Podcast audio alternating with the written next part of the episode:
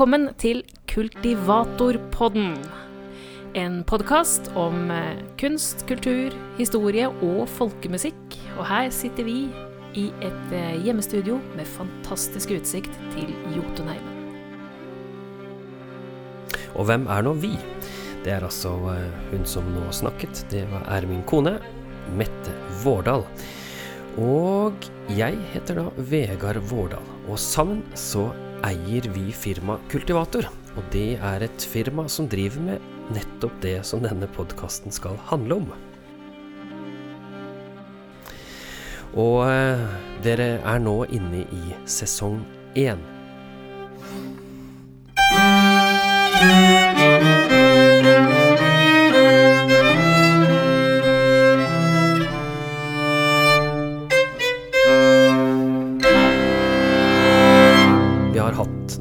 episoder før, men det var liksom testutgaver, da. Og til denne nye sesongen her, så har vi fått med oss eh, Bjørn Kåre Odde og Ida Marlene Christensen sammen med meg, som har laget jingler og litt sånt. Så det dere hørte, de vakre stryketonene, var fra de. Så tusen takk for at de gadd å være med på det. Rett og slett eh, egenkomponerte av deg, jingler, som skal følge podkasten vår. Ja, jeg tenkte det. Vi får prøve det i denne sesongen, og så ser vi hvordan det fungerer. Ja, for vi har jo lagt en plan. Vår plan er å komme med en ny podkast hver 14. dag. Hver 14. mandag eh, nå fremover mot eh, jul. Og eh, litt faste poster, kanskje, og nye temaer for hver gang. Ja, så det aller første dere nå får høre, er jo posten Aktuelt. Ja. Og eh, hva kan vi si om det aktuelle kulturlivet for tida? Det er vel én stor sak som, eh, som dominerer, eh, og det er jo at det har vært vanskelige tider for kulturlivet. Vanskelig å møtes og eh, bedrive kultur i store fellesskap. Så det vi håper på nå, er jo at eh, høsten skal bringe en forsiktig, forsiktig oppmykning eh, av smittevern og en stadig tilbakegang av korona, som gjør at vi kan møtes mer, lage mer kultur. Ja, og at uh, man får en forståelse av hvordan eh, konserter og kulturlivet fungerer. At det er ikke alltid vi møtes med masse alkohol og tett stemning. Vi går an å, kul å lage kultur og konserter innenfor de smittevernreglene som gjelder. Så det blir veldig spennende å se hvordan dette blir utover høsten. Ja, og altså da alt stengte 12. mars i år, så dukket jo raskt opp en flora av mer eller mindre vellykkede alternativer. Eh, og de mest vellykkede, heldigvis, de overlever jo og blir med oss videre. Så vi håper jo at, vi, eh, at, at den tida vi har vært igjennom, også bidrar til eh, litt mer eh, mangfold i måten vi nyter kulturen på.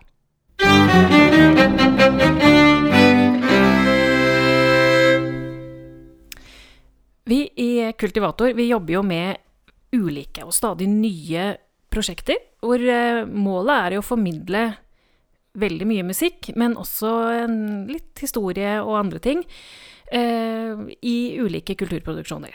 Og nå holder vi på med et prosjekt som vi har kalt Vår suplikas.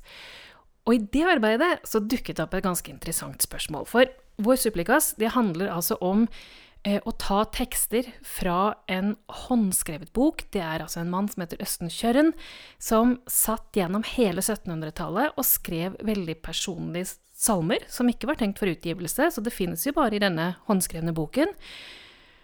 Og så skal vi bruke noe av hans tekst eh, og formidle noe av det budskapet, men da gjennom et eh, filter av 250 år eh, som har gått siden.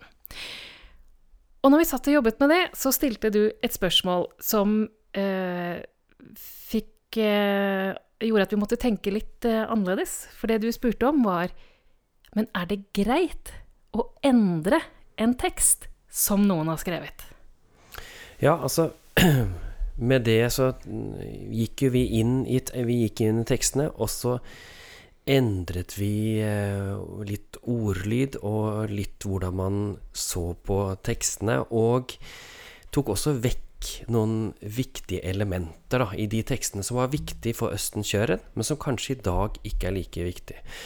Og hvor eh, hvor eh, sikker og klar og tydelig og tradisjonstro skal vi være mot tekstene når vi da, hvis vi ser mot musikken, så er, klarer ikke å være like tradisjonstro der, fordi det er ikke like eksakt. Det er jo ikke skrevet ned på nøyaktig samme måte. Eh, også hvordan du uttaler ordene i en tekst er jo heller ikke skrevet ned. Men Så vi kan si at musikken er skrevet ned på noter, og teksten er skrevet ned med tekst. Men allikevel så forholder vi oss nesten alltid veldig slavisk til teksten. Mens til musikken så kan vi gjøre små endringer. Vi kan forandre buestrøk, vi kan legge til noen dobbeltgrep, eller vi kan til og med endre litt i melodien uten at det blir ramaskrik. Ja, endre litt. Altså, du har jo tatt noen slåtter av og til eh, som, som, enkle melodirammer bare, og laget helt nye arrangementer. Eh, brukte, omformet det, satt inn i helt nye settinger. Og, eh, og, der er jo folkemusikken denne skattkisten som man fritt kan bruke. Eh, og, og, det var derfor jeg lurte på, når, når dette er så greit å gjøre i musikken, hvorfor ble det så vanskelig når det kom til tekst. Jeg skjønner jo det du sier om at, eh, at teksten har jo et mye, mye klarere og tydeligere budskap. Eh, og det har jo disse salmene til Østen Kjøren. At han har jo eh, han har jo noe han vil formidle når han skriver de. Men noe av det jeg tenkte når jeg gikk i gang med å begynne å endre på det, det er jo at de 250, nesten 300 årene som er gått siden han skrev, har gjort at når vi leser teksten i dag, så for det første er det nesten umulig å forstå de sånn uten videre, for det er jo et alderdommelig språk. Og også så er meningen hans eh, lett å oppfatte helt annerledes, fordi at vi tenker annerledes, lever annerledes, har det annerledes. Sånn at hvis, skal, hvis, hvis målet er å formidle et budskap og et innhold, så ser jeg også at det er et behov for å endre det, som gjør at vi kan formidle det budskapet i dag. Men da er selvsagt utfordringen, som du påpekte, at hva, altså, vet vi hva Østen Kjørren mente? Og det gjør vi vel ikke? Nei, vi gjør jo for så vidt ikke det, og vi vet heller ikke Altså Når jeg skal gå inn og tolke OM Sandvik sine nedskrifter av Ivar Brotta da, fra Vågå, som jeg gjorde til det store eh, bestillingsverket som vi hadde nå, Landskapsleken i Vågå Han var hogga heim. Eh, og da, hva gjør jeg da når jeg går inn i tolkning av de låtene? Det er jo at jeg, da, da finner jeg eh, inspirasjon i den generelle folkemusikktradisjonen som er overlevert her muntligvis. Og så gjør jeg jo noen endringer, men så er det jo alltid slik at jeg er jo alltid meg. Så når jeg spiller de låtene, så er det et lite sånn signatur av meg der også. Og når vi da skulle gå i gang med disse tekstene, så tenkte jeg også at eh, hvis vi er veldig klar og tydelige og sier at ok, vi har gjort en endring, vi har gjort en tilpassing her, så tenker jeg kanskje også det er greit. Men kanskje det som er størst diskusjon her, som vi faktisk har gjort mye, det er at vi har fjernet ett ord. Og det var et ord som var veldig viktig for 250 år siden. Og det var på tre bokstaver, og gjerne beskrevet med et stor G og stor U. Vi har altså tatt vekk Gud. Hva tenker du om det? Ja, nei, det, det, er jo drastisk, ikke sant? Fordi at eh, det er, det er, jo religiøse salmer, og så tar vi vekk da enkelte steder ordet Gud. Uh, og jeg har jo altså Delvis har det dette med konteksten. Uh, I Østen Kjørens tid så var Gud én ting. Altså det var én religion. Det var ikke noe spørsmål. Vi lever i et sekulært samfunn. Og det gjør at eh, i det offentlige ordskiftet så er avstanden til eh, egen religion, andres religion, litt større. Sånn at ved å bruke Gud aktivt i, et, eh, i en tekst, så opplever jeg at det ordet blir tydeligere. Eh, og det får en rekke assosiasjoner som det har i dag, og som det ikke hadde på Østen Kjørens tid. Og i, i, det tekstutdraget som vi jobbet med da, så var det jo ikke Gud som var poenget. Det var jo forholdet Altså, det han skrev om, var rett og slett hvor viktig det er at vi mennesker oppfører oss ordentlig mot hverandre. Altså det handlet om menneskeverd og likeverd. Og jeg tenkte at det å da sette Gud inn i den settingen ville kludre til litt det som nettopp er budskapet, at alle mennesker er jo like uansett. For i dag så er jo eh, Gud så, så mye annerledes og mye mer, og kan vise til så mange forskjellige religioner enn det eh, de gjorde på høstens kjørenstid. Så, så jeg tenkte at det forsterket budskapet som vi ønsket å få frem, og som lå der. Men så er det klart at eh, Kjøren også hadde andre budskap i tillegg, da, som vi tok vekk, da. Ja, altså eh, jeg, jeg satt jo også og skulle skrive musikk til eh, flere av disse tekstene, altså helt ny musikk. Og da må jeg også gå inn og tolke den teksten slik at den musikken jeg lager, speiler litt av teksten. Altså det er veldig rart å lage en, en uh, veldig kontrasterende musikk. Iallfall i dette prosjektet her, så fungerer det ganske dårlig. Eh, og da Det som inspirerte meg, var jo uh, hans sterke forhold til naturen. Mm. Og at på et vis vi kunne prøve å erstatte hans gudstro med heller en tro på naturen, og egentlig tro på mennesket, som jeg syns han også fokuserer på flere steder i tekstene. Eh, og når jeg da satte i gang og lagde disse melodiene da, så var det egentlig å prøve å få et litt mer sånn vilt, rått, ubarbert eh, melodimateriale som vi kunne sette disse her helt fantastiske tekstene til, da. Mm. Ja, og jeg, og jeg, tenker det er noe av det som du var inne på i sted også, dette her med um, Det ligger jo alltid en tolkning her. Så tenker jeg at uh, vi må vi må tillate oss. Altså, hvis ikke så, så, er jo en tekst død, nærmest, i det, ut, det eller det den er skrevet ned. Så det å kunne få lov til å bruke gamle tekster er jo så viktig. Og så kunne gjøre den bearbeidelsen. Men da må man jo også være ærlig på da, at det er bearbeidelser av Østen Kjørens tekster. Eh, og så håper jeg også at det da er mulig eh, parallelt å få vist til originaltekstene. Altså sånn at man kan gjøre seg opp den vurderingen da, og se det Østen Kjøren selv skrev, eh, og også da vår tolkning og vår bruk av det. Men så er da spørsmål til dere kjære lyttere. Har vi lov til å gjøre disse endringene egentlig? Eller er vi nå på en måte vår egen gud og tar bestemmelser som vi egentlig ikke skulle tatt av? Og for å si det sånn, vi er ikke ferdig diskutert med dette her, og blir det heldigvis aldri. Men nå har dere hørt våre tanker om dette her, og vi er også veldig spent på hva dere tenker om det.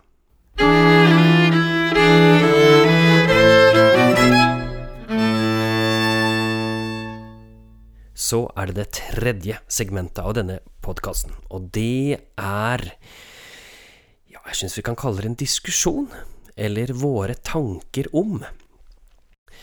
Og her skal vi eh, diskutere litt hva slags eh, musikkutgivelser som er nå, som opptar oss, og kanskje noen forestillinger, eller kanskje artikler eller bøker, eller bare noe annet vi har lyst til å diskutere med hverandre, og gjerne med dere. Så hvis dere nå går inn på Kultivatorpodden på Facebook, så finner dere her også lenke til musikken som vi kommer til å diskutere her i denne delen av podkasten. Og der kan dere selvsagt også fortsette diskusjonen. Da er eh, Mette en hard moderator, så vær greie med hverandre. Og så tenker vi dette blir bra, jeg. Ja. Og hvis dere har noen andre ønsker på om hva vi skal diskutere, så kom gjerne med det. Vi er åpne for forslag. Men hva skal vi da diskutere i dag, Mette? Jo, altså Temaet er jo litt i forlengelsen av det vi diskuterte i sted, altså dette med bruk av tekst. Eh, så vi har valgt ut to eh, musikkinnspillinger av en tekst som også er skrevet på 1700-tallet. Det er en tekst som heter 'Marki grønast', og for alle som eh, vokser opp i Vågå, så er det barnelærdom. Men det er altså en eh, sang, eller et dikt, som prestesønnen Edvard Storm skrev. Han er født i 1749 og reiste til København for å studere, og ble der eh, resten av livet. Eh, men han lengta tilbake til Vågå. Eh, og på 1770-tallet så skrev han flere folkemusikkinspirerte tekster på dialekt, og 'Marki grønast' er en av de. Og det handler rett og slett om altså Innledningsstrofen 'Marki grønast sjoggen bråne', altså snøen smelter, og eh, marken blir grønn, og da er det på tide å reise til setra. Så, så, det er jo rett og slett en seterreise, som det er kalt i den ene innspillingen, eller i den andre vårvise. Og da er det jo spørsmål Hva gjør nå musikken med teksten her? Og nå eh, skal jeg bare ta et kort eh, innslag fra begge to, sånn at dere har hørt bitte, bitte, bitte lite grann. Og så hvis du vil, kan du nå sette den på pause, så kan dere gå og høre på dette her, eh, på disse to eh, klippene. Det ene er da Folk. F-O-L-Q-U-E, er det ikke det? Jo. Ja, og så eh, Og der heter det altså Seterreise. Og det andre eksempelet er Vårvise med Mjøsfolk. Det finner du bare på YouTube. Men Setereise Seterreise finner du på Spotify og andre lignende strømmetjenester. Her får du et lite kutt.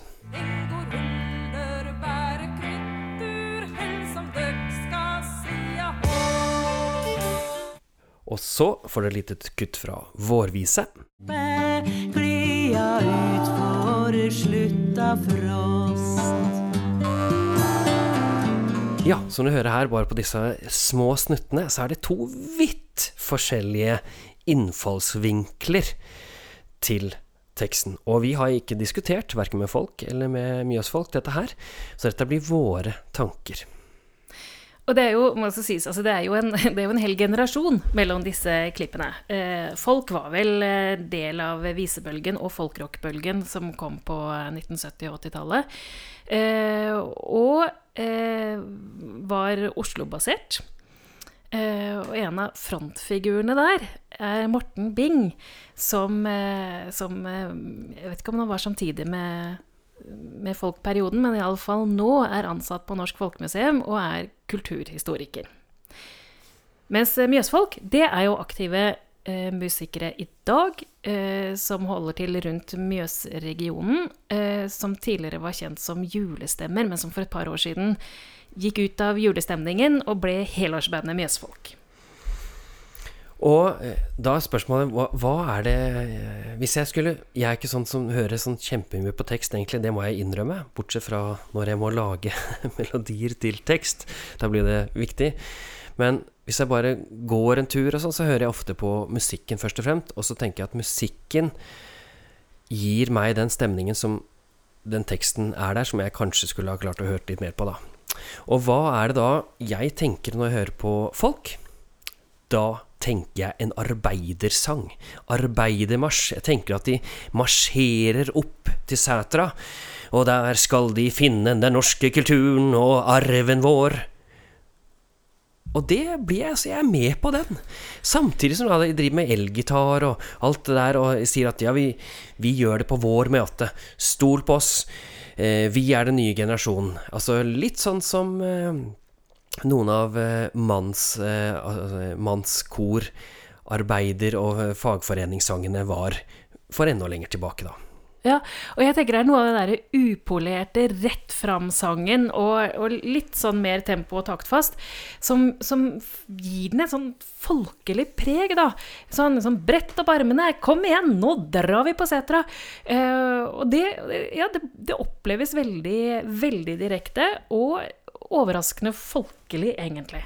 Mm. I motsetning til da kanskje Mjøsfolk, som er, eh, og det må også si, skolerte folkemusikere, flere av de, som jo har en helt annen stemning. Der er det, der er det en romantisk vårmorgen, først og fremst, som jeg opplever, kanskje. Ja, vi må vel faktisk påpeke her at alle er skolerte musikere i Mjøsfolk. Så eh, det er folk som lever av dette her, og som har det som hovednæring, noen av de i hvert fall. Og, og de har jo lagt virkelig vekt på å skape noe veldig bra musikalsk. Altså den, den kor, koringen som de har underveis her, er helt nydelig. Det, arrangementet er helt, helt vanvittig også. Og, men når jeg hører på den, i motsetning til folk, så får jeg selvsagt et helt annet bilde av Sætra, eller hvor marken grønast, markje grønast. Men Og det er jo interessant, for jeg, jeg, vet jo egentlig ikke hva Jeg vet ikke hva Storm ville formidle sånn egentlig med det. Og jeg syns jo begge tolkninger i og for seg er eh, bra, men vi ser jo her hvor mye musikken farger teksten. Ja, og, og jeg tenker, altså, du spør ja, hva, hva, hva ville Storm? Eh, og det er vel sannsynligvis flere ting. Altså, Storm tjente penger på å være forsanger i studentmiljøet eh, og i København som by. Eh, og, og han, altså, han var jo da en klassisk sanger. Eh, og når denne sangen For disse ble av alle ting populære sangene, kom til attpåtil en franskmann og skrev den ned og ga den ut eh, i en pussig rettskrivningsnorm, riktignok, men på, i Frankrike.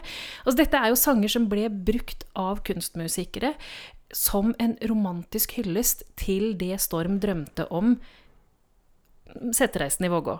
Og det, den stemningen ligger jo mye nærere kanskje det Mjøsfolk formidler med sin måte å sette musikken til. Mens det han også formidler, det er jo hvordan folk levde i Vågå. Og det er klart at den stemningen, den sitter litt mer i magen på måten folk har gjort det på.